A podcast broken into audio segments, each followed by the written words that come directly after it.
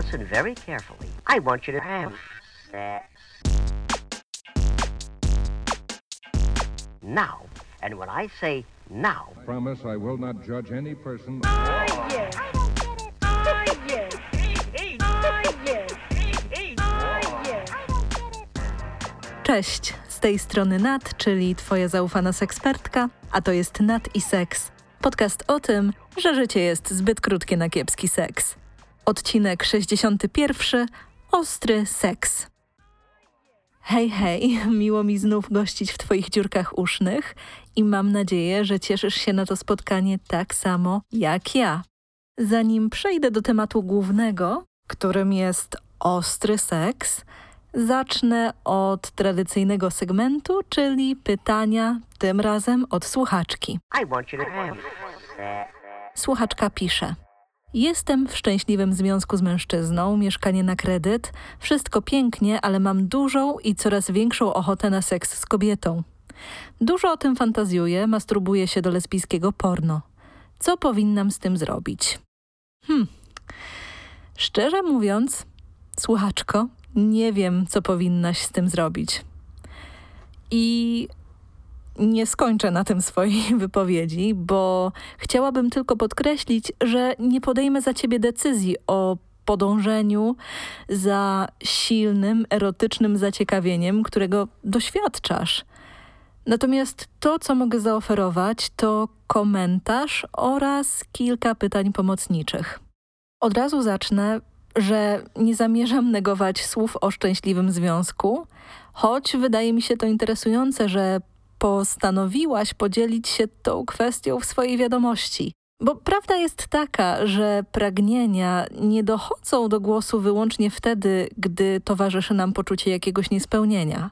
Czasem wybrzmiewają wtedy, gdy mamy na nie wystarczająco dużo przestrzeni, gdy towarzyszą nam dobre emocje, bo na przykład wiemy, że ta relacja, w której jesteśmy, będzie nas wspierać i będzie tworzyć taką bezpieczniejszą przestrzeń, żeby eksplorować różne swoje seksualne zainteresowania. Zastanawia mnie, czy to, o czym piszesz, to czego pragniesz, to byłby twój pierwszy seks z kobietą? Czy może marzysz do powrotu do doświadczeń, które miałaś przed relacją z partnerem, w jej trakcie? Bo to prowadziłoby mnie do kolejnego pytania. Co dla ciebie oznacza seks z drugą kobietą? Czy masz na myśli konkretną kobietę, a może jakąkolwiek kobietę? Bo wyobrażam sobie, że masz w głowie jakiś profil i związane z nim fantazje na temat tego, jak wasz potencjalny seks by wyglądał. I tutaj kontynuując, co jest w nim, co byłoby w nim innego niż w seksie, którego doświadczasz teraz? Bo skąd przekonanie, jeśli takiekolwiek istnieje, że to coś może dać ci właśnie ta druga kobieta? Nie piszesz, czy tworzycie z partnerem relację otwartą czy monogamiczną. Natomiast jeśli jest to relacja monogamiczna, przyjrzałabym się w kontekście pragnień tak zwanym ukrytym lojalnościom. Bo czasem pragniemy seksu z innymi ludźmi, natomiast łatwiej może być nam pragnąć seksu z konkretnym typem osoby ze względu na nie do końca uświadomioną lojalność wobec osoby partnerskiej. Być może jest to lojalność wobec jej tożsamości, czy tego, co wydaje nam się bardziej akceptowane w danym kontekście. Nie da się ukryć, że w relacjach cis-hetero kobietom bywa łatwiej otworzyć się na kontakty seksualne z innymi kobietami w przekonaniu, że taka intymność, e, i tutaj mówię w cudzysłowie i dość dosadnie, się nie liczy lub liczy się mniej. I jest to rzecz jasna bardzo krzywdzące dla kobiet uprawiających seks z kobietami. W końcu nasza intymność się liczy i jest bardzo, bardzo ważna. Natomiast takie przekonanie wymazuje wiele istotnych doświadczeń. Działa na nie unieważniająco. I dodam, że jeżeli twoja determinacja, aby uprawiać seks z kobietą jest duża, i widzisz to jako coś realnego, możliwego do zrealizowania w Twojej relacji, tu przede wszystkim odesłałabym Cię do odcinka o otwieraniu związku. Bo nie będę ukrywać, że w przypadku niemonogami bardzo ważny jest dla mnie element jej etyczności. I właśnie tą kwestią zajmuję się w tym odcinku, czyli jak etycznie, z jakiego pułapu, z jakiego poziomu otworzyć relacje. Zachęcałabym Cię więc do zbadania kontekstów, w których chciałabyś doświadczyć seksu z drugą kobietą, tak aby ta osoba nie była wyłącznie narzędziem do zaspokojenia pewnej ciekawości i spełnienia marzenia. To jest bardzo istotne i te kwestie poruszałam już niejednokrotnie, między innymi w odcinku o trójkątach, że musimy patrzeć na osoby, które ułatwiają, umożliwiają nam spełnianie pewnych pragnień, jak na ludzi, z ich potrzebami, z ich oczekiwaniami i z uważnością na te historie, które przynoszą do naszego wspólnego łóżka albo jakiegokolwiek innego miejsca, w którym będziemy ze sobą blisko. I teraz taka kwestia. Gdy zdecydujesz się na konsensualne otwieranie związku i podążenie za pragnieniem, być może Skirt Club, skirt jak spódnica, będzie dla ciebie ciekawym adresem. To imprezy, a właściwie sieć imprez organizowanych w wielu dużych miastach na świecie, które są kierowane do kobiet, które chcą doświadczyć seksu z innymi kobietami. Oczywiście to tylko propozycja, bo drugiej kobiety możesz poszukiwać naprawdę na różne sposoby. Być może nawet masz kogoś w swoim gronie. Natomiast pomyślałam, że podam sieć tych klubów jako interesujący kontekst być może dla innych osób. I want you to have that. Twoje wsparcie ułatwia mi kontynuowanie podcastu. Pamiętaj, że możesz wesprzeć Sexcast subskrypcją, zostawić mu ocenę i recenzję w Apple Podcasts, polecić go komuś, komu mógłby się spodobać lub przesłać mikrodonacje w serwisie Coffee lub Buy Coffee. Linki do nich znajdziesz w opisie. Do mikrodonacji możesz dołączyć wiadomość z propozycją tematu lub pytaniem, na które odpowiem na łamach podcastu. Przejdźmy więc do tematu dzisiejszego odcinka. I od razu disclaimer i ostrzeżenie dotyczące treści. W tym odcinku omawiam kwestie przemocy i nadużyć seksualnych. Jeżeli są to tematy, które są dla ciebie triggerujące, bardzo proszę zadbaj o siebie i zrezygnuj ze słuchania tego odcinka. Zatem do dzieła. Zacznę może od eksperymentu. Co przychodzi ci na myśl, gdy ktoś mówi, że lubi ostry seks? Jaki scenariusz zbliżenia staje ci przed oczami? Może przypominasz sobie oglądane filmy porno, może jakieś kawałki z kultury popularnej, a może jakieś własne doświadczenia.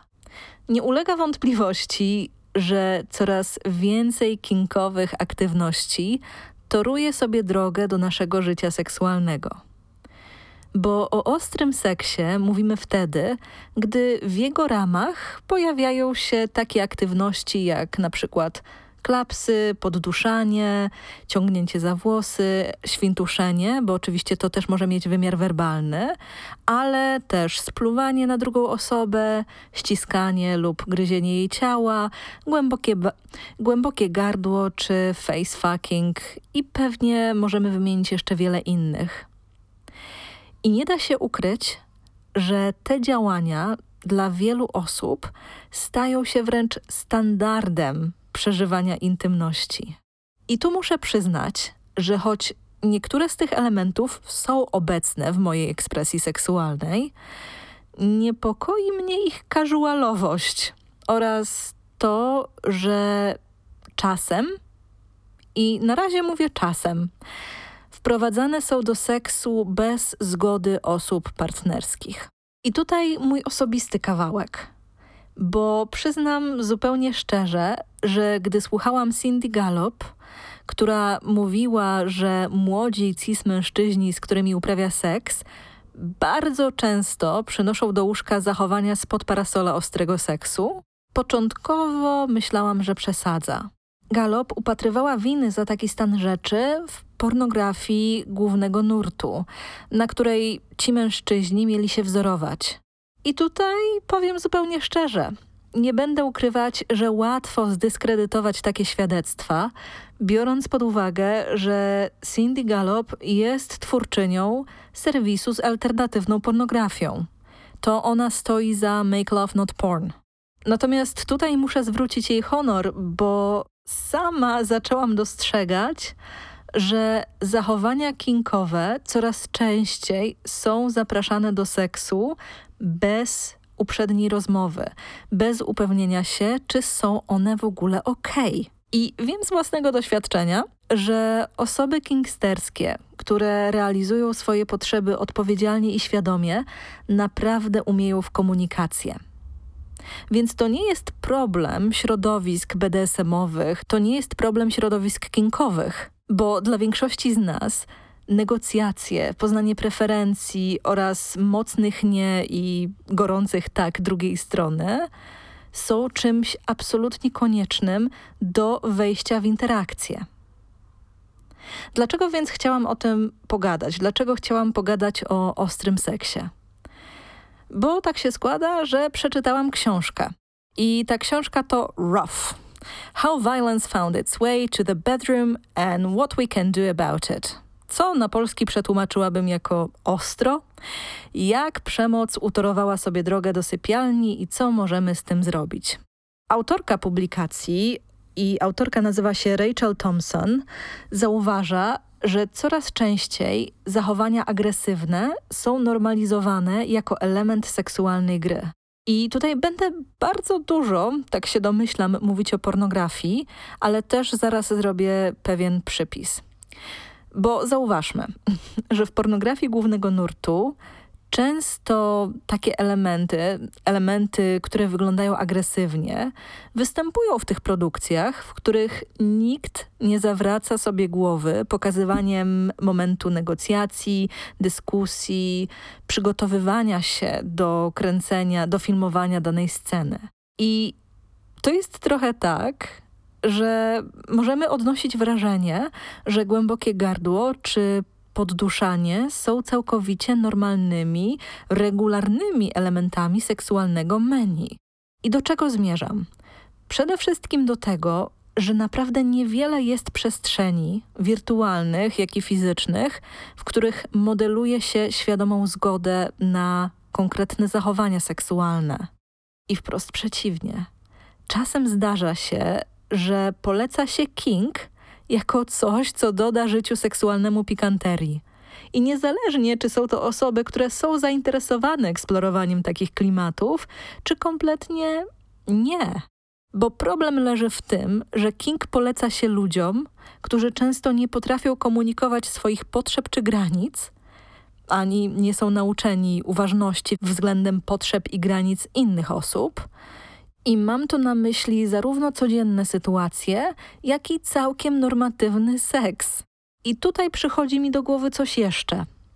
Bo normalizowanie ostrego seksu, a właściwie przemocy interpretowanej jako ostry seks, ma swoją mroczną stronę. I może wiesz, a może nie, przez sądy przewinęło się wiele spraw, w których zabójstwo, czyli odebranie komuś życia, tłumaczono tym, że konsensualny ostry seks zakończył się nieszczęśliwie. I w anglojęzycznych kręgach ukuto nawet termin. Jest to Rough Sex Murder Defense lub Fifty Shades Defense. I tutaj bez komentarza. I na polski przełożyłabym to jako obrona na ostry seks albo obrona 50 twarzy. Dalej bez komentarza. Jest to strategia stosowana przez obronę osób oskarżonych o spowodowanie śmierci w wyniku urazów zaistniałych podczas teoretycznie konsensualnego kontaktu seksualnego. I szacuje się, że osoby oskarżone, które użyły tego argumentu w sądach, w 45% przypadków otrzymały lżejsze wyroki za odebranie komuś życia. I tutaj errata a właściwie taki dopisek, że te dane dotyczą Wielkiej Brytanii. I w ramach aktu sprzeciwu do tej sytuacji, czyli do tego, że użycie tego rodzaju obrony kończy się lżejszymi lżejszymi wyrokami, powstała kampania, która nazywa się We Can't Consent to This, czyli nie możemy się na to zgodzić, która lobbuje za zakazem używania tego rodzaju obrony, uważając ją, zresztą słusznie, za jedną z form obwiniania ofiary. Bo w rozumieniu takiej strategii obrony Oznacza to, że jeżeli ktoś zgodził się na ostry seks, sam jest winien temu, co go spotkało. Natomiast jedno jest pewne. Zgoda na konkretne zachowania podczas seksu nie oznacza zgody na pozbawienie życia. I tutaj element zgody będzie dość istotny w kwestii omawiania ostrego seksu. Zdaję sobie sprawę, że skręciłam w bardzo skomplikowane rejony, ale obawiam się, że powrót do samego zagadnienia głównego też nie będzie łatwy. Bo jako osoba, która w obszarze seksu jest wiedząca i praktykująca, zdaję sobie sprawę, że ta ostrość wkracza znacznie wcześniej niż zaczyna się sam fizyczny akt, bo wkracza ona do naszej komunikacji z potencjalnymi osobami, z którymi będziemy uprawiać seks, ale też wkracza do świata naszych wyobrażeń, ale też wkracza do świata naszych wyobrażeń na temat seksu, tego jak komunikujemy się z innymi ludźmi i tego, co wiemy na temat seksu. Bo jak już wspomniałam wcześniej, nie ulega wątpliwości, że w pornografii głównego nurtu ostry seks jest bardzo powszechny. Na przykład sama zauważyłam, że w porównaniu do pornografii sprzed 10 lat, a ten okres jest dość istotny, bo wtedy sama pisałam licencjat na temat pornografii. W dzisiejszych filmach podduszanie pojawia się znacznie częściej. I praktyka, która kiedyś była zarezerwowana dla nurtu gonzo, dziś jest prezentowana w bardzo klasycznym porno, takim, którym można znaleźć na pierwszej głównej stronie dowolnego serwisu z darmowymi klipami.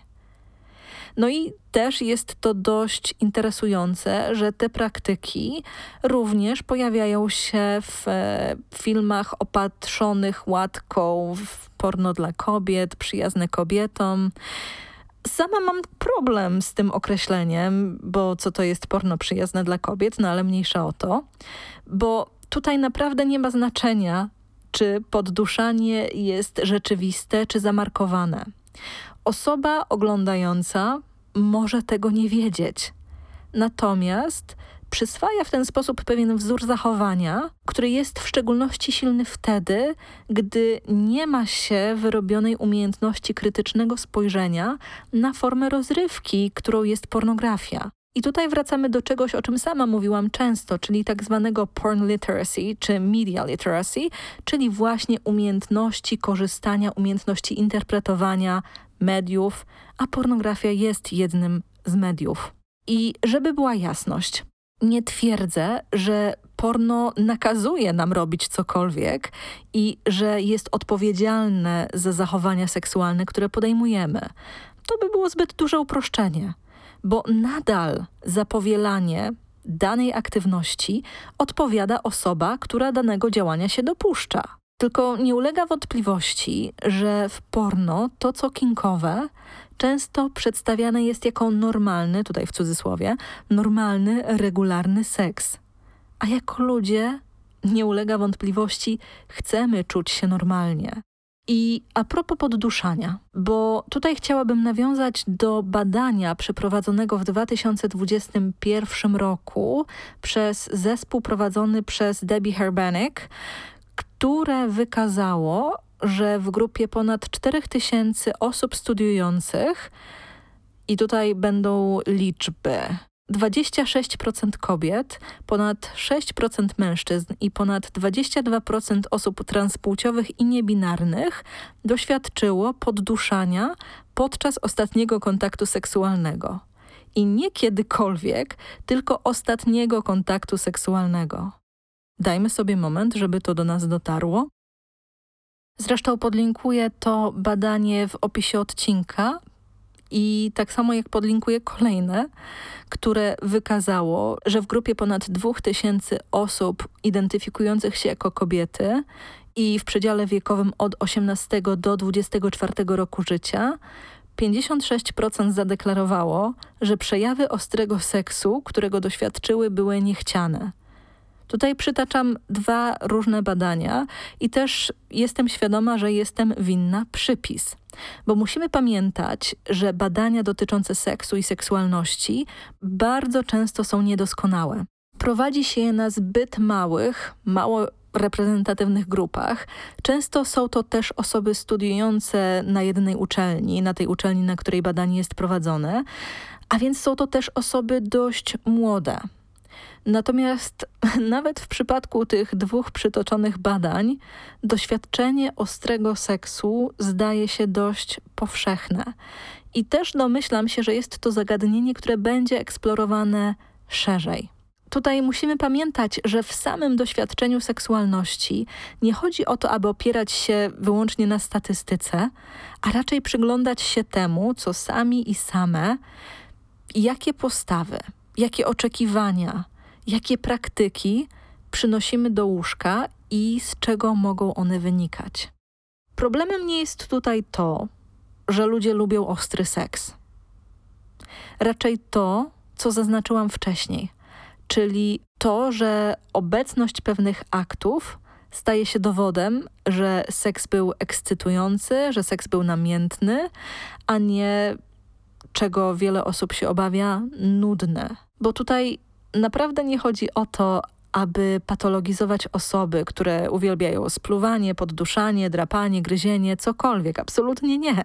Nie chciałabym, aby ktokolwiek wpadł w pułapkę myślenia, że tylko normatywny seks jest zdrowy, bo każdy wymiar aktywności seksualnej może być, tutaj oczywiście używam tego sformułowania umownie, zdrowy, jak i szkodliwy ale miarą nie jest tutaj to, co nas szokuje, gdy o tym czytamy, gdy o tym słuchamy, albo co my uważamy za normalne, ale to, czy z każda z osób zaangażowanych w akt wyraża zgodę na to, co się dzieje i działa w sposób świadomy ewentualnego ryzyka. Można doświadczać bardzo namiętnego seksu, który nas nasyca i który nas nagradza, a który nie zawiera elementów kojarzonych z ostrym seksem. Można też mieć bardzo normatywne stosunki seksualne, które wiążą się z bólem, co będzie świadczyło o przekraczaniu granic i nadużyciach. I niech to z nami zostanie na chwilę. Dlatego, że zawsze będę podkreślać, że nasze normatywności nie powinny wyznaczać tego, co daną osobę spełnia w seksie, co sprawia jej satysfakcję. Jak zatem uprawiać ostry seks, jeżeli cię kręci, ale chcesz upewnić się, że nie przekroczysz czyichś granic? Przede wszystkim, jako doświadczona koleżanka, powiem ci, że trzeba zacząć od komunikacji i ustalenia, czym dla każdej z zainteresowanych osób jest ostry seks. Bo łatwo jest napisać gdzieś w profilu randkowym, czy powiedzieć, lubię ostry seks, natomiast już, już przytaczałam kiedyś przykład z tańcem. Jeżeli mówimy, że będziemy razem tańczyć, to ktoś z nas może mieć na myśli makarena, ktoś inny tango. Więc tutaj też musimy się upewnić, co dla każdej ze stron kryje się pod sformułowaniem ostry seks. Jakie aktywności są dla każdej ze stron ok, jakie aktywności nie są ok. Natomiast komunikacja oczywiście nie kończy się przed. Wiele osób rozmawia ze sobą, wymienia erotyczne wiadomości, uwodzi się wysyłając SMS-y. Czy ja zabrzmiałam teraz jak boomer? Nie no, wysyła wiadomości, w których używa się agresywniejszego języka niż zazwyczaj. Na przykład sexting czy świntuszenie jako forma wyrazu często są inne od naszej osobowości, którą przybieramy na co dzień, bo służą czemuś zupełnie innemu. I poleganie wyłącznie na tym stylu komunikacji i interakcji jako punkcie odniesienia do tego, jak dana osoba chce uprawiać seks, to zdecydowanie za mało. I tutaj dygresja. Na Twitterze, ze wszystkich miejsc w sieci, mignął mi ostatnio mem. I mem ten składał się z dwóch zdjęć.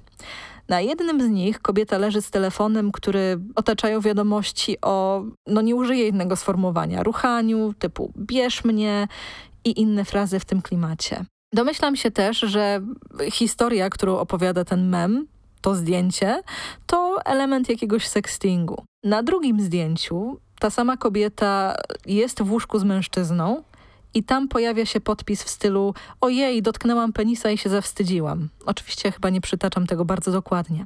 I właśnie to, o czym dziś opowiadam, jest poniekąd o tym że nie widzimy różnicy między różnymi porządkami.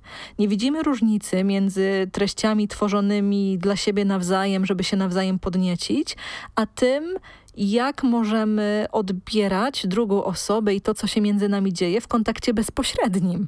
I nie będę tutaj bardziej analizować memów, e, chociaż ten był dość niepokojący. Natomiast rozmowa przez komunikator nie może determinować naszych oczekiwań względem tego, co zdarzy się na żywo. I skoro już o na żywo mowa, bardzo istotna jest uważność podczas samego wprowadzania elementów ostrego seksu. Jak już rzeczywiście mamy wszystko dogadane, wiemy czego od siebie nawzajem oczekujemy, jakie działania są w porządku, jakie są nie w porządku. Tutaj warto pozwolić sobie na robienie przerw, na zwalnienie tempa, na to, aby upewniać się, że dla każdej osób to, co się dzieje, nadal jest akceptowalne i przyjemne bo musimy pamiętać, że konsensualność, czyli świadoma zgoda, jest czymś, co jest procesem aktywnym. Czyli to nie jest tak, że zgodzimy się na coś przed i już wtedy wszystko jest dozwolone hulaj dusza, bo konsent w każdej chwili można wycofać, można zmodyfikować swoje oczekiwania i nie możemy odwoływać się wyłącznie do tego, co zostało powiedziane przed sprawdzeniem danego aktu w działaniu. I to wymaga zarówno komunikacji ze strony osoby, której coś robimy, której coś proponujemy, jak i naszej własnej wrażliwości na sygnały i na komunikację niewerbalną z jej strony.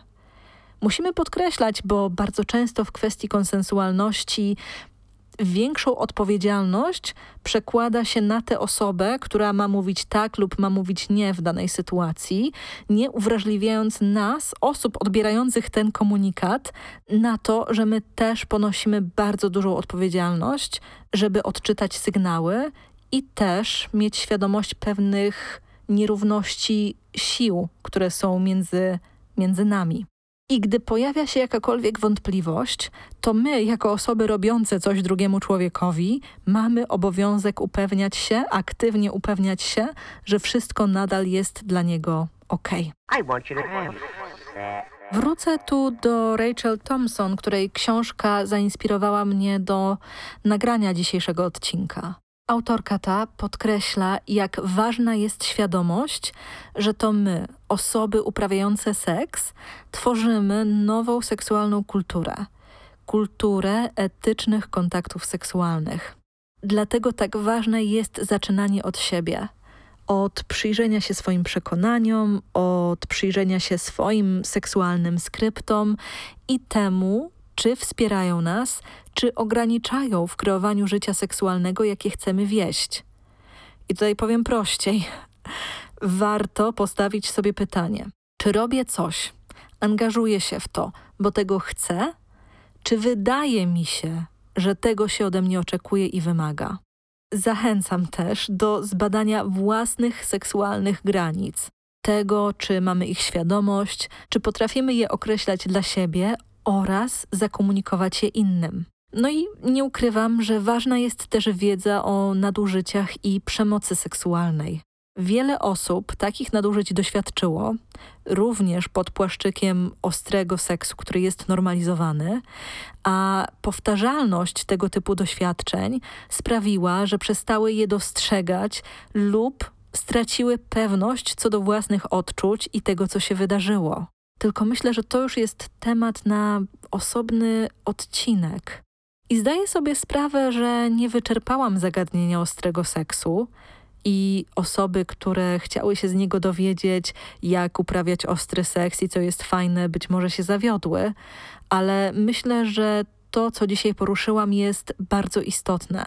Jest bardzo istotne dla tworzenia tej kultury etycznych kontaktów seksualnych, z czym chciałabym Cię zostawić, to z przesłaniem, że każdy seks musi być konsensualny, a zapraszanie elementów kojarzących się z agresją i przemocą nie może być ustawieniem fabrycznym.